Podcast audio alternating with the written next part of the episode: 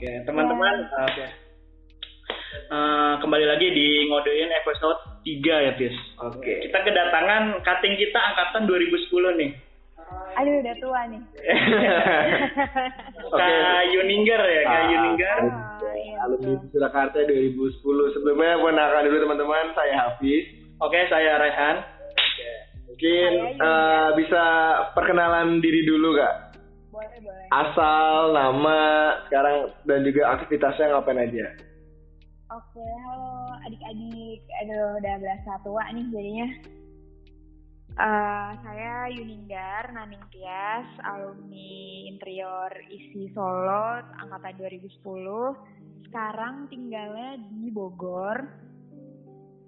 Terus eh, aktivitasnya sekarang freelance interior, jadi udah nggak kerja kantoran lagi nih. Sekarang udah mulai bikin sendiri gitu. Firma desain sendiri kak? Eh, lebih ke iya sih konsultan masih konsultan. Oh, mantap. Oh, aku iya. belum belum berbadan usaha tapi Gak apa-apa itu rezeki keren kak. gitu. Oke. Eh, Kalian ini angkatan berapa ya kalian? Oh iya, kita angkatan 19, Kak. Eh, deh. baru gede kak. Angkatan 19. Baru jadi kakak tingkat. Hmm.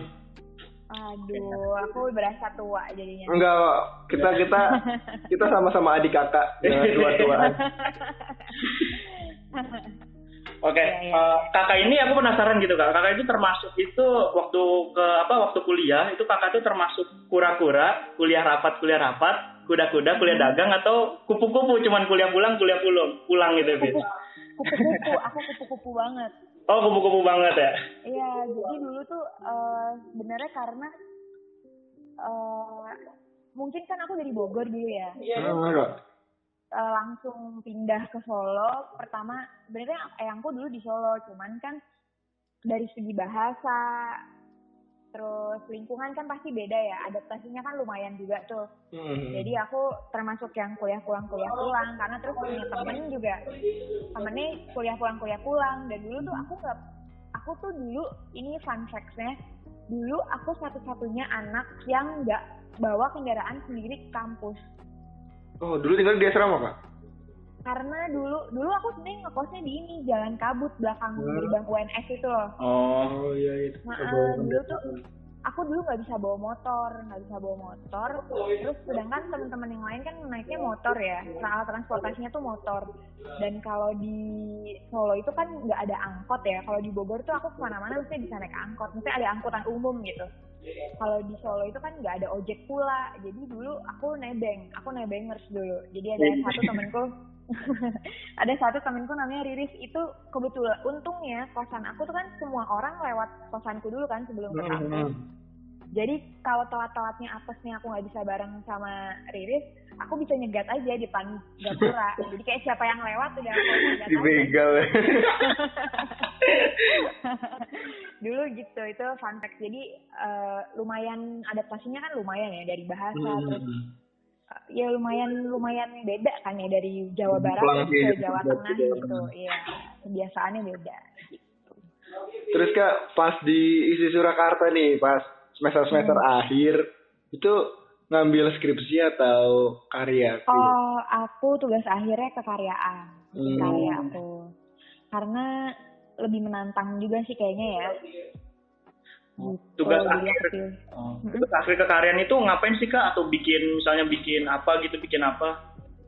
Kalau dulu itu tugas akhirnya aku bikin ini comic center. Sebenarnya kan waktu sebelum tugas akhir itu kan ada aku lupa ya mata kuliahnya apa sih judulnya. Udah lama nggak kuliah jadi lupa nih.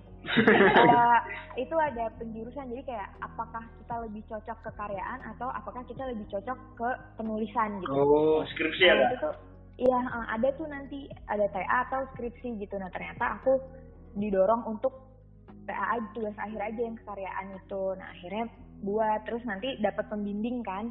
Hmm. Sebenarnya kita dulu harusnya harusnya tuh kita kayak kita yang propose pembimbingnya. Nah kebetulan waktu itu aku propose, ibu boleh sebut nama dosennya nggak sih? Boleh, boleh, Kak. Boleh lah ya. Boleh, boleh Terus kak. aku, pro, aku dulu proposnya ke Bu Narmi ditolak. Oh, benar nih. tolak iya karena karena Bu Narmi itu kayaknya cuma pengen nerima anak bimbingan yang pintar kebetulan aku dulu nggak pintar Oh. jadi ditolak. Jadi yang di yang diterima tuh satu. Ada teman aku namanya Nurul karena dia pinter. Aku ditolak nggak punya. Lah aku kan pembimbing aduh gimana nih? Aku terombang ambing yang lain udah pada dapat dosen pembimbing kan.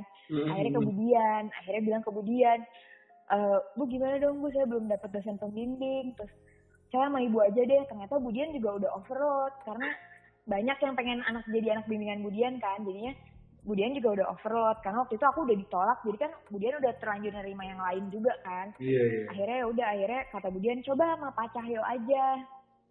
Karena Pak Cahyo kebetulan judul aku tuh cocok sama Pak Cahyo gitu. Hmm. akhirnya dan Pak Cahyo lebih menguasai judul itu. Kata Budian coba minta Pak Cahyo jadi dosen pembimbing. Akhirnya mau. Ya udah akhirnya dosen pembimbingku waktu itu Pak Cahyono gitu. Dulu tuh tugas akhir aku judulnya aku lupa ya. Pokoknya aku bikin komik center di Bandung. Komik Indonesia Center gitu. Indonesian Comic Center di Bandung. Gitu. Oh, udah akhirnya sama Pak Cahyo itu. Oke kalau boleh tahu kakak itu lulus itu berapa tahun kak? aku aku 9 semester. Empat setengah berarti ya. Waduh, termasuk cepet ya, Bis? cepat cepat Cepet. Eh, wajar pada sih zaman pada zamanku sih biasa-biasa aja sih karena dulu tuh biasa aja yang yang duluan lulus empat tahun tuh ada tiga orang setahu aku deh Tiga yang orang. bener-bener pas empat tahun heeh. ada tiga orang terus pas angkatanku tuh agak lumayan banyak yang barengan sama aku tuh yang di empat setengah yang sembilan semester itu agak lumayan banyak sih terus sisanya ya udah nyusul berapa berapa lagi tahun-tahun berikutnya gitu. Tapi paling banyak pas tahun aku itu lulusnya. Lumayan bareng banyak gitu. Karena dulu aku seangkatan cuman 38 Mm-mm. terus di tengah-tengah perkuliahan tuh mungkin tinggal sisa 35 apa 34 gitu kayaknya ya. Gitu. Pas aku lulus mungkin 10-an atau 15 lupa udah lama nggak udah lama nih jadi banyak lupanya nih. Terus kak 10 pas tahun. pas udah lulus itu kakak langsung eh, kerja? Atau gimana Kak? terus kalau misalnya langsung kerja kerja di mana gitu kak? Di bagian apa? Dulu dulu waktu lulus itu aku langsung pindah Bogor lagi dulu kan pindah Hmm. Bogor terus apply kerja. Eh, nah dulu tuh waktu aku lagi nyusun TA ada acara pertama kali itu diadakan di Solo Bambu Bienal kalian tahu nggak Bambu Bienal nah dulu tuh itu acara pameran per dua tahun tentang uh, exhibition bambu gitu. Itu keren sih kalau kalian boleh searching bambu Bienal Indonesia. Dulu pertama kali itu tahun 2014 kalau nggak salah. Eh 2000 iya 4 14 atau 2015 gitu lupa. Mm-mm. Nah itu terus di situ tuh ada nama arsitek namanya Budi Pradono. Nah sejak saat aku lihat pameran itu aku langsung suka nih sama karyanya Pak Budi. Akhirnya aku memutuskan pokoknya kalau dia lulus mau kerja di Pak Budi Budi Pradono. Terus akhirnya bener tuh lulus langsung aku apply di Budi Pradono arsitek. Sebenarnya dia arsitek firm sih bukan interior design. Terus tapi aku pikir kan masih ada kaitannya ya mungkin ada divisi interiornya atau gimana Iya, jadi aku iya. apply. Nah eh, lama lebih dari enam bulan gak keterima akhirnya aku kerja dulu tuh di konsultan interior di daerah Cibubur namanya Dexa Interior dulu tugasnya sebagai junior junior interior design itu di- masih tugasnya tuh masih kayak bikin mood board kalau ada ruang tamu nih kita yang milih eh, sofanya warnanya apa wallpapernya apa yang masih kayak Hmm. gitu belum dapat tugas berat belum masuk layout belum bikin 3D belum terus nah enam bulan tiga bulan kerja di Dexa ternyata dapat panggilan dari Budi Pradono. Akhirnya aku interview dan ternyata diterima. Jadi dulu di Budi Pradono itu ada yang apply aku sama satu lagi em, mahasiswa dari ITB nah kita dua orang pertama interior di Budi Pradono Arsitek. Jadi selama itu Pak Budi tuh nggak pernah nerima anak interior. Tapi pada waktu aku apply dan satu temenku Natania anak ITB itu akhirnya diterima dan kita jadi eh, dua orang interior desain pertama yang kerja di eh, konsultannya Pak Budi gitu. Setelah itu aku cuman kerja 6 bulan karena waktu itu sakit. Habis itu aku resign kan, resign istirahat, terus mulai kerja lagi di eh, interior arsitek di spesialis desain klasik gitu di Menteng. Kerja juga cuma empat bulan kayaknya karena sesuatu hal karena kayaknya aku memang tidak uh, tidak nyaman. Akhirnya menemukan jati diri bahwa kayaknya nggak nyaman kalau kerja sama orang lain. Karena aku dulu merasanya mungkin ini idealisme tapi bisa aku pertanggungjawabkan. Kayak aku ngerasanya kayaknya kok aku bisa lebih melakukan banyak hal kalau aku nggak ada di tempat ini gitu. Yang akan terus melakukan hal yang sama uh, kayak gini-gini terus kan ritmenya gitu. Aku merasa kayak kurang challenging gitu buat aku. Akhirnya aku resign juga mencoba ambil proyek sendiri. Pada waktu itu tuh masih proyek temen kayak temen lagi pengen renov uh, ruang tamu aku ambil. Terus akhirnya temennya temen temennya temen temennya temennya klien. Akhirnya berkembang berkembang berkembang sampai sekarang gitu. Yes, sangat ini ya iya. inspiratif sekali ya kak ya. Share share pengalaman pengalaman ya terus kak ini eh, perjalanan uh, sih. Akhirnya dari proses panjang itu setelah pindah-pindah ke konsultan itu ngerasanya kok kayaknya kayaknya gue nggak di sini nih gitu. Itu sebenarnya proses yang harus dilalui kan. Kalau aku dulu nggak coba kerja di tempat lain kan aku nggak tahu mana yang lebih cocok untuk aku kan. Akhirnya setelah dilewatin oh kayaknya ini kurang cocok gitu. Aku merasa lebih cocok untuk kerja sendiri. Jadi ketemu klien sendiri gambar sendiri gitu. Ketemu tukang langsung milih-milih material sendiri gitu. Rasanya lebih puas aja kalau gambar kita nih bener-bener desain kita yang jadi gitu. Kalau di konsultan gitu kan kita tetap ada porsinya ya nggak mungkin kan. Karena kan kalau konsultan tuh ada prinsipalnya. Jadi kita ibaratnya yang bantu tim yang bantu memvisualisasikan ide-ide dari si prinsipalnya gitu. Kalau kita kerja sendiri kan ya kita prinsipalnya gitu. Kita mau bikin tempat ini jadi kayak gimana itu udah area kita gitu terserah kita gitu. Lebih seru sih menurutku. Gitu. hmm. terus kak menurut kakak nih kak? Hmm? Uh, kalau misalkan menjadi seorang desainer interior itu hmm. yang harus dimiliki itu kayak gimana kak? Yang paling penting yang, penting. Yang paling penting attitude sebenarnya menurutku dalam semua pekerjaan itu yang paling penting attitude karena kita pinter banget, canggih, eh, desainnya bagus, tapi kalau misalkan ternyata pembawaan kita nggak baik, di depan klien, di depan tukang, di depan siapa pun kan akhirnya outfitnya kurang uh, bagus gitu loh. Nah jadi aku pikir paling penting itu ya attitude karena sepinter-pinternya kita kalau attitude yang nggak baik kan percuma gitu nggak berkah. Karena sebenarnya pekerjaan itu kan sama aja ya ketika kita ketemu sama klien klien kalau nanti udah masuk ke dunia kerja itu rasanya bakal beda banget sama kuliah sih memang. Bener kata orang-orang tuh kayaknya kayak welcome to the real life. Kalau udah lulus tuh itu bener adanya karena kalian bener-bener bakal ng ngadepin masalah kan. Misalkan ada project aduh salah gambar kek. Aduh udah deadline kek. Ternyata di lapangan kurang 2 cm kek. Kurang apa. Nah itu masalah gimana caranya kalian bisa ngatasin masalah aku juga dulu nggak nggak langsung pinter maksudnya kayak nggak langsung bisa menata hati juga pasti ada yang kayak kok kalian gini sih kok tukang gini sih nah akhirnya dari pengalaman-pengalaman itulah kita belajar gitu. Jadi sebenarnya proses sih, jadi attitude-nya yang harus baik dulu gitu.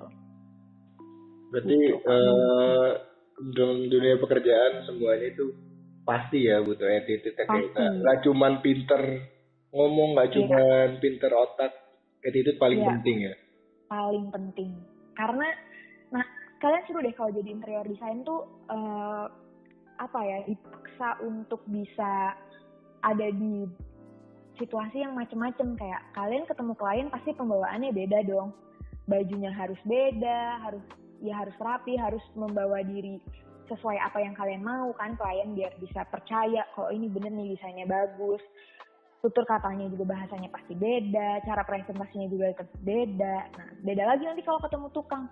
Gak mungkin dong ketemu tukang pakai bahasa formal, tukang juga jadi nggak nyaman. Nanti kan harus bisa lebih luas sama tukangnya.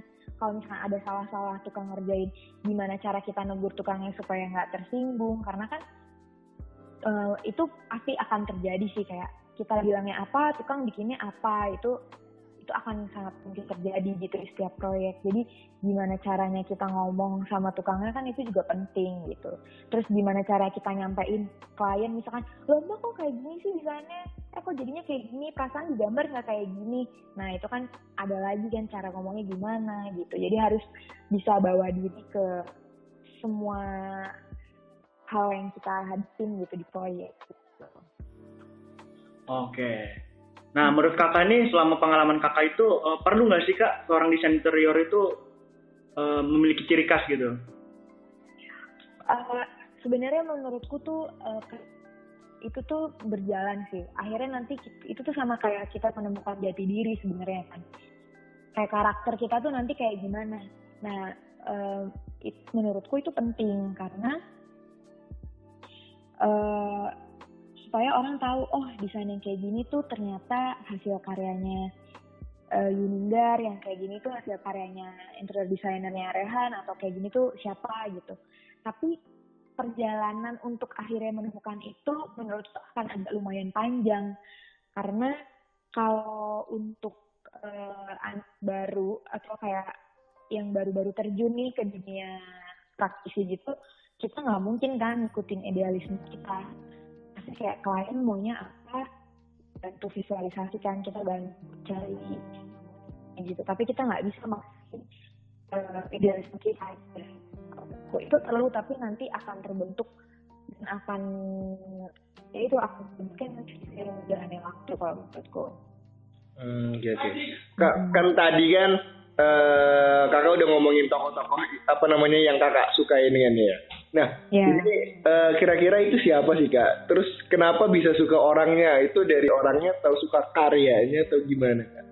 Oh ya, dulu aku sebelum cerita ke Pak Budi, aku dulu tuh magangnya di tim tiga arsitek di Rempah Rumah Karya.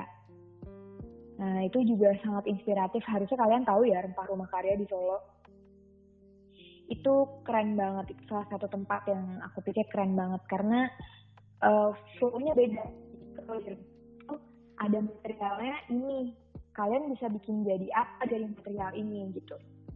Nah kalau itu yang aku suka dari waktu aku magang. Kalau misalnya Pak Budi yang aku suka, karena Pak Budi itu menurutku salah satu arsitek Indonesia yang desainnya uh, nyentrik gitu. Karakter pribadi, personalitinya nyentrik, sampai karyanya juga nyentrik. Itu, itu tuh nyentrik. Jadi tapi dari dari mm-hmm.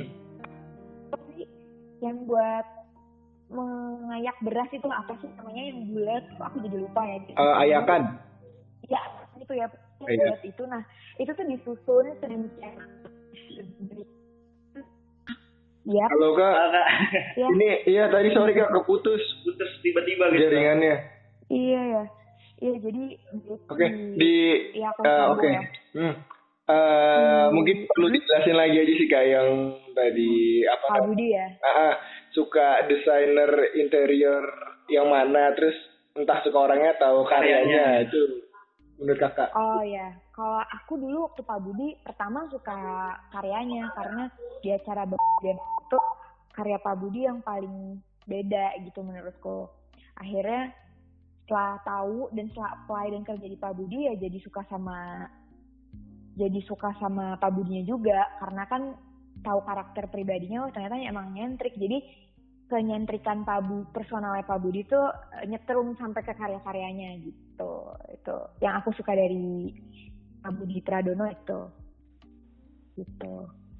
Oke kita lanjut. Uh, nah kak saat ide udah mentok banget nih kak, biasanya tuh kakak gimana tuh brainstormingnya gitu kak?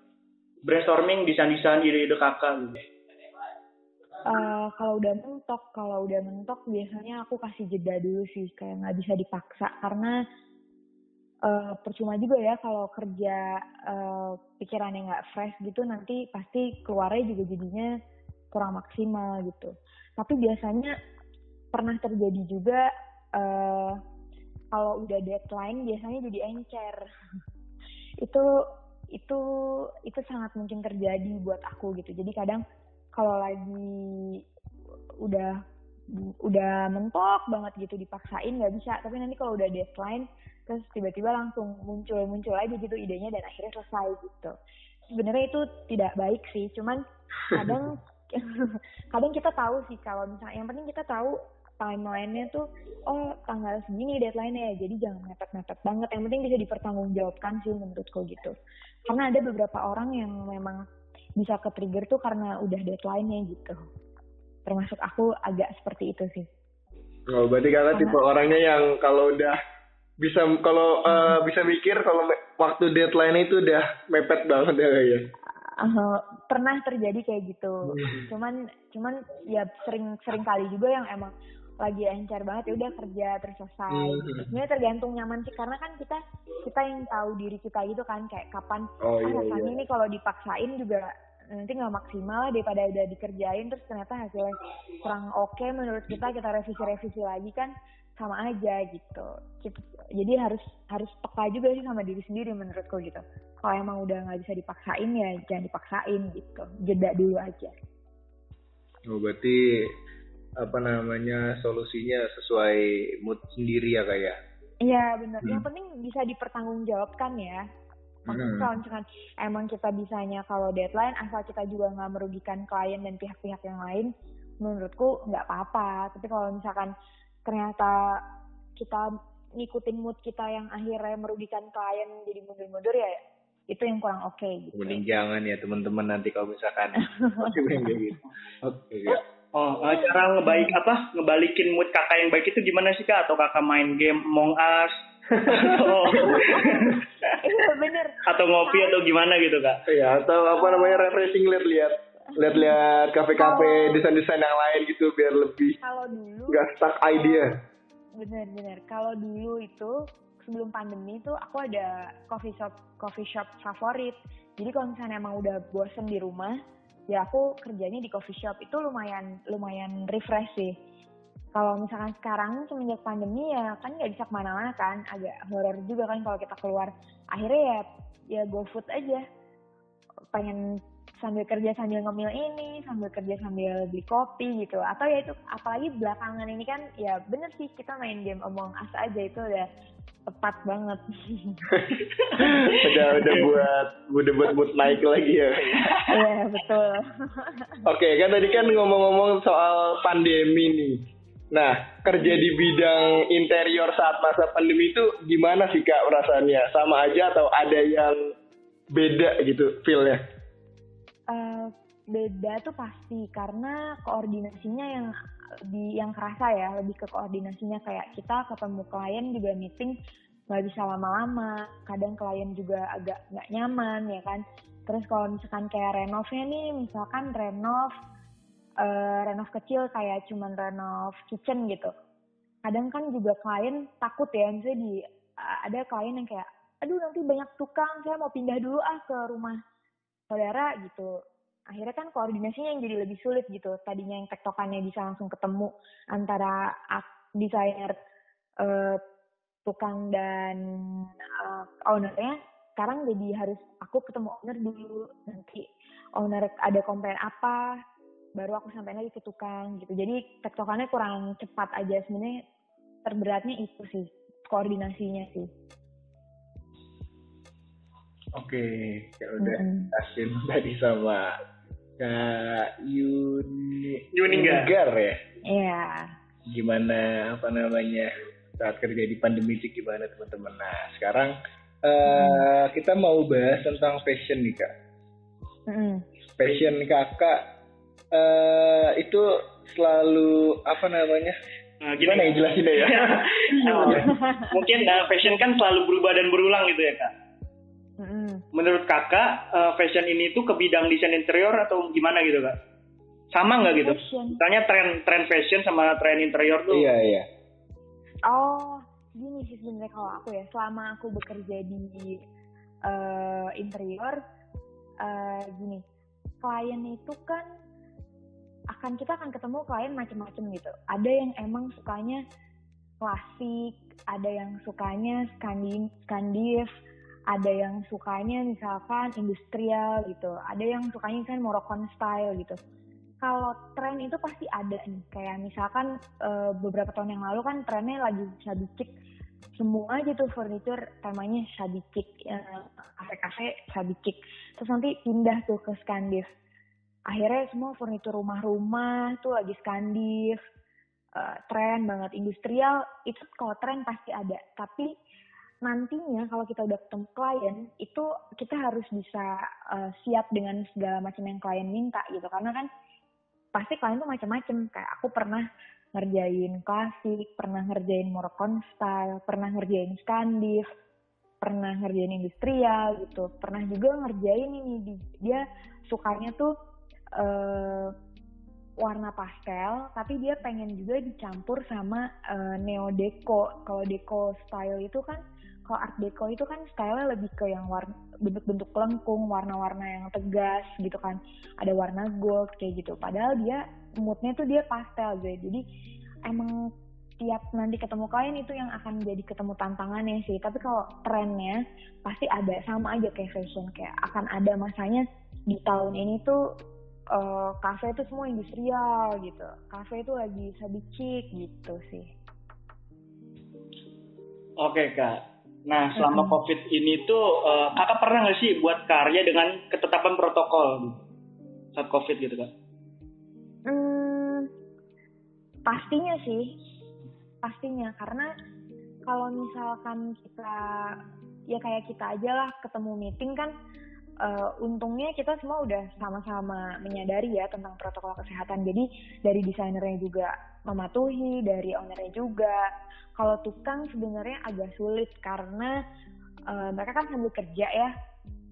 Uh, kadang kalau misalkan harus pakai masker seharian gitu mungkin berat juga gitu. Tapi yang penting kita edukasi bahwa tolong dijaga jarak yang kayak gitu-gitu. Tapi mudah-mudahan insya Allah dengan kerja beratnya tukang itu imunnya jadi kuat dan selama tukangnya juga nggak yang terus kumpul-kumpul gitu terjaga sih menurutku gitu. Oke, kak selanjutnya nih kak, kan uh, kakak hmm. udah apa namanya dari bidang yang tadi, kakak udah pernah ngerjain proyek kakak ya. Hmm. Nah, terus uh, saya penasaran nih kak, proyek hmm. apa yang udah kakak selesaiin? Terus juga yang paling menantang itu yang kayak gimana kak menurut kak? Hmm, kalau yang udah pernah diselesaikan selama aku sendiri, selama kerja interior sendiri itu lebih banyak residensial sih karena kan kliennya masih dari teman ke teman, temannya klien kayak gitu. Jadi lebih banyaknya uh, residensial. Cuman waktu dulu magang itu aku pernah bantu buat proyeknya Greenhouse Prawiro, Prawiro Taman yang di Jogja itu.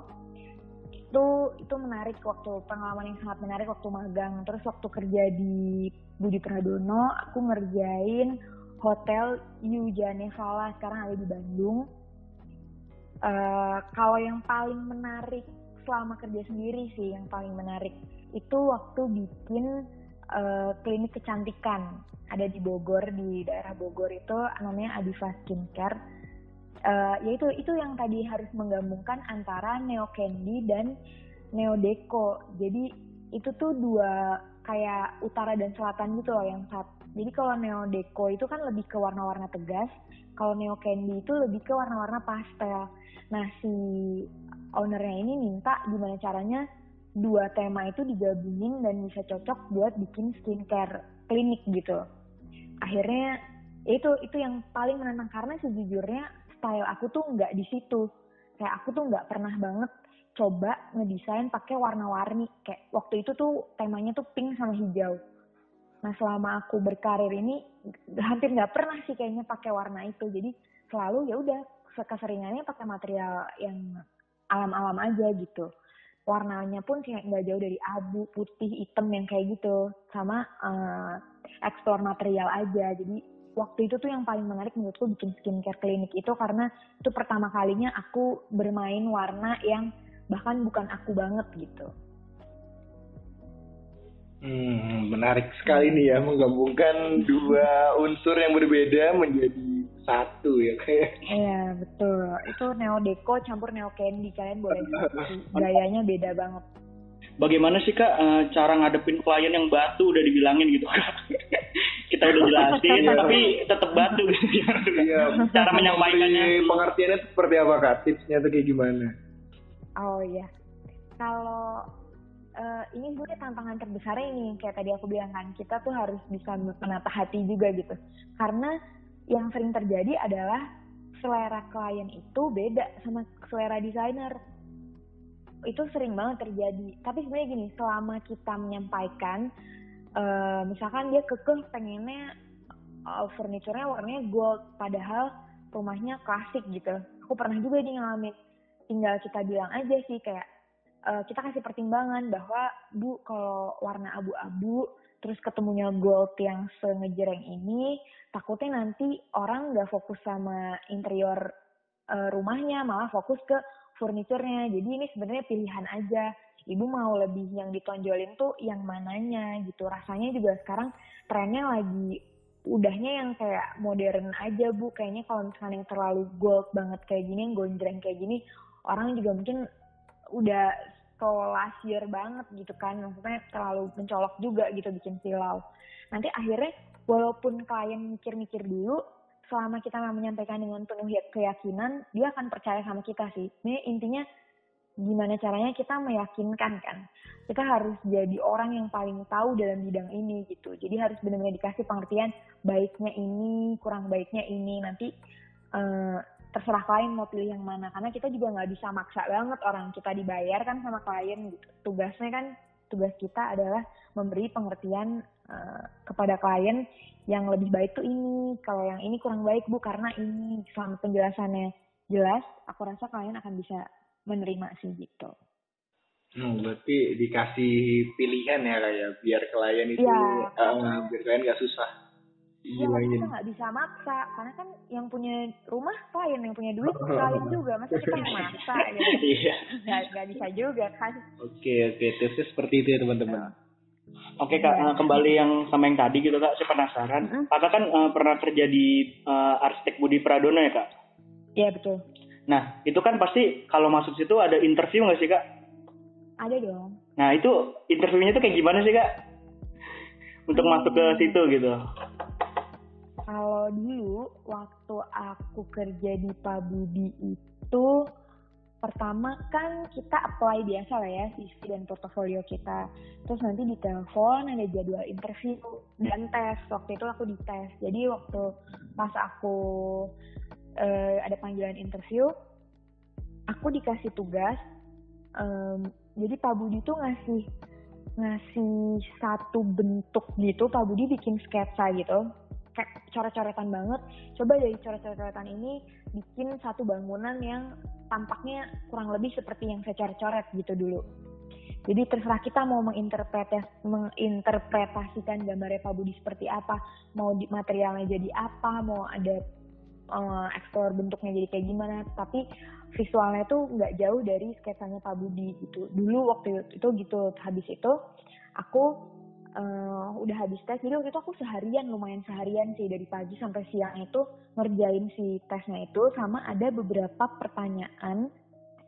Bukan pertanyaan deh aku dikasih tugas untuk bikin kayak saat kayak clipping kecil gitu uh, tentang uh, fashion designer dan arsitek kalau nggak salah dulu. Jadi dua nama tokoh itu terus aku disuruh bikin kayak mini taping tentang dua tokoh ini gitu. Abis itu Pak Budi baca, Pak Budi lihat, terus interview langsung sama Pak Budi. Waktu itu Pak Budi yang interview langsung. Nah, terus Pak Budi tanya kayak kenapa pengen kerja di sini, terus apa yang disuka dari uh, arsitek firm ini gitu. Terus pengalamannya udah apa aja kayak gitu sih skillnya apa aja terus kemampuan bekerjanya seperti apa kayak gitu. Maksudnya kayak lebih ke kamu tuh punya keahlian apa apa yang bisa ditonjolkan dalam dirimu? Gitu. Waktu itu sih aku gitu. Terus habis udah selesai uh, seminggu kemudian dikabarin bahwa diterima gitu ya. Udah akhirnya langsung mulai kerja gitu deh. Oke ternyata tips-tipsnya sama apa ya alur-alurnya seperti itu ya kayak ya? Kita iya kurang kurang lebih kayak gitu sih. Paling tes tes terus interview langsung sama kadang ada juga yang di di interview langsung sama prinsipalnya ada juga yang sama uh, adminnya gitu. Jadi nggak semua nggak semua tempat kerja tuh memang langsung prinsipalnya. Tapi waktu itu aku uh, Pak Budi langsung yang tanya-tanya ke aku gitu. Oke kak, kan tadi uh, kakak udah nyebut tentang skill ya kak ya. Mm. Sekarang tuh uh, kakak nih, skill apa yang sekiranya sangat sangat berguna dalam dunia kerja, apalagi di desainer interior untuk dicari perusahaan-perusahaan gitu kak? Oh, kalau skill yang secara uh, general menurutku yang penting itu komunikasi karena kita punya banyak ide di kepala kalau nggak bisa mengkomunikasikan itu kepada orang lain ya akan mengendap aja kan di kepala kita gitu. Kalau interior aku pikir lebih ke hmm, skill ininya ya penguasaan softwarenya itu penting sih. Karena kalau misalkan kita bikin visualisasinya kurang oke okay juga klien mungkin bisa jadi nggak ngerti gitu tapi sejujurnya aku juga belum di fase itu sih. Belum di fase yang uh, skillful dalam menggambar 3D gitu. Sebenarnya. Tapi itu penting menurutku. Nah uh, kesulitan yang biasanya ditemukan di dunia kerja itu apa aja sih kak? Gitu. Kesulitan uh -uh. iya tapi gimana ngatasinnya kak? kalau kesulitan sebenarnya kalau kesulitan tuh lebih ke ada perbedaan antara gambar dan realita. Itu sebenarnya yang uh, menurutku itu yang tersulit. Jadi misalkan ada salah persepsi antara gambarku dan tukang gitu atau ternyata tukangnya lupa udah dikasih note ternyata dia lupa gitu. Itu sih sebenarnya yang sulit. Ya solusinya selama kita mengkomunikasikannya baik ke tukang untuk diperbaiki aman-aman aja gitu kadang kalau misalkan kita udah coba ngomong sama tukang dan tukang responnya agak kurang baik ya ditelan aja gitu menurutku Oh, jadi caranya seperti itu teman-teman kalau misalnya kita ada kesulitan bisa dilakukan hmm. yang Kak Yuninggar bilang tadi. Terus nih Kak yang terakhir nih untuk podcast hmm. kali ini. Nah, kalian sebagai alumni isi Surakarta ya, menurut Kakak hmm. itu uh, kekurangan yang ada di sistem pendidikan isi Surakarta itu apa sih Kak? Wah berat banget pertanyaan ini ya. Ini yang terakhir untuk penutup nih kak. kalau kalau pada zamanku, karena aku nggak tahu ya, udah 10 tahun berjalan kan pasti beda kan. Hmm, pada zamanku itu aku merasa kurang update. Jadi uh, cara pengajaran dosen pun uh, ya seru sih ada beberapa dosen juga yang aku suka tapi ada yang menurutku kurang seru gitu sebenarnya lebih ke kurang update menurutku update dari segi kayak what kayak apa nih yang lagi happening sekarang nih? Apa sih? Kita tuh nggak pernah di momen yang bahas eh ternyata di dunia interior design tuh sekarang lagi happening tuh ini. Coba yuk kita kulik sama-sama kita bahas kita jadiin bahan diskusi. Nah yang tidak aku rasakan dulu tuh seperti itu. Pada semua dosen tapi ada beberapa dosen yang emang uh, sangat open for discussion gitu. Ada banyak ada beberapa gitu tapi masih ada juga yang emang textbook aja gitu ngajarnya gitu. Menurutku menurutku sih itu. Cuman aku nggak tahu ya kalau sekarang kan pasti udah banyak perubahan lah gitu kan. Udah 10 tahun berjalan aku rasa pasti udah banyak yang lebih baik-baik lagi yang terjadi di isi Solo gitu. Tapi ada satu yang sangat berkesan buat aku selama aku kuliah di isi Solo itu adalah mata kuliah interior Nusantara. Aku nggak tahu masih ada atau enggak sampai sekarang. Ada kak masih ada kak oh masih ada ya? Dan menurut aku itu kalian patut berbangga dan berbahagia mendapatkan mata kuliah interior Nusantara menurutku. Karena itu tidak ada di eh, kampus-kampus uh, lain pada zamanku ya. Dulu tuh ada temen aku dari Maranatha Bandung. Dia lagi main ke Solo. Terus waktu aku ceritain ada mata kuliah itu dia niat untuk ikut uh, ikut kelasnya gitu. Dulu yang ngajar Budian uh, ikut kelas itu gitu jadi uh, sangat beruntung lah kita punya mata kuliah interior Nusantara gitu menurutku. Oke, okay. uh, eh, terima kasih kak udah berbincang-bincang dengan kita, udah mau berbagi-bagi yeah. sangat bermanfaat sekali gitu. Oke terakhir nih kak terakhir banget. Semoga iya ya. Oke pesan kakak untuk adik-adik kakak nih. Iya. Buat adik-adik isi. Buat adik-adikku sebenarnya nikmatin aja dulu masa-masa kuliah karena nanti akan ada masanya gitu kan. Uh, jadi dinikmatin dulu masa-masa kuliahnya nanti pas waktu kerja juga dinikmatin masa-masa kerjanya yang bisa aku titipkan adalah yaitu sih jaga attitude itu penting. Jadi mau kita sepintar apa pun mau kita secanggih apa pun mau kita sekeren apa pun kalau nggak ada attitude-nya mau di dunia kerja mau di dunia pertemanan hubungan antara dosen dan mahasiswa hubungan antara teman dan teman teman dan kita nanti kerja itu nggak akan nggak akan oke okay lah kalau kita nggak ada attitude-nya gitu. Jadi harus pintar-pintar menjaga attitude harus pintar-pintar bawa diri juga. Kalau yang lagi kuliah ini fokus dulu kuliahnya yang baik juga sikapnya sama dosen karena harus baik-baik berterima kasih karena kalau nggak ada dosen-dosen nggak ada guru-guru kita kan kita juga mau pintar dari mana gitu. Jadi itu aja sih pesennya attitude dijaga itu aja Oke, jadi seperti itu apa podcast kita kali ini. Terima semoga kasih. Bermanfaat ya. Uh, semoga bermanfaat, bermanfaat sekali sih kak ini. ya. Oke, terima kasih Kak Yuninggar, saya Hafiz. Saya Raihan. Raihan. Sama-sama Rehan. Izin undur diri. Terima kasih teman-teman.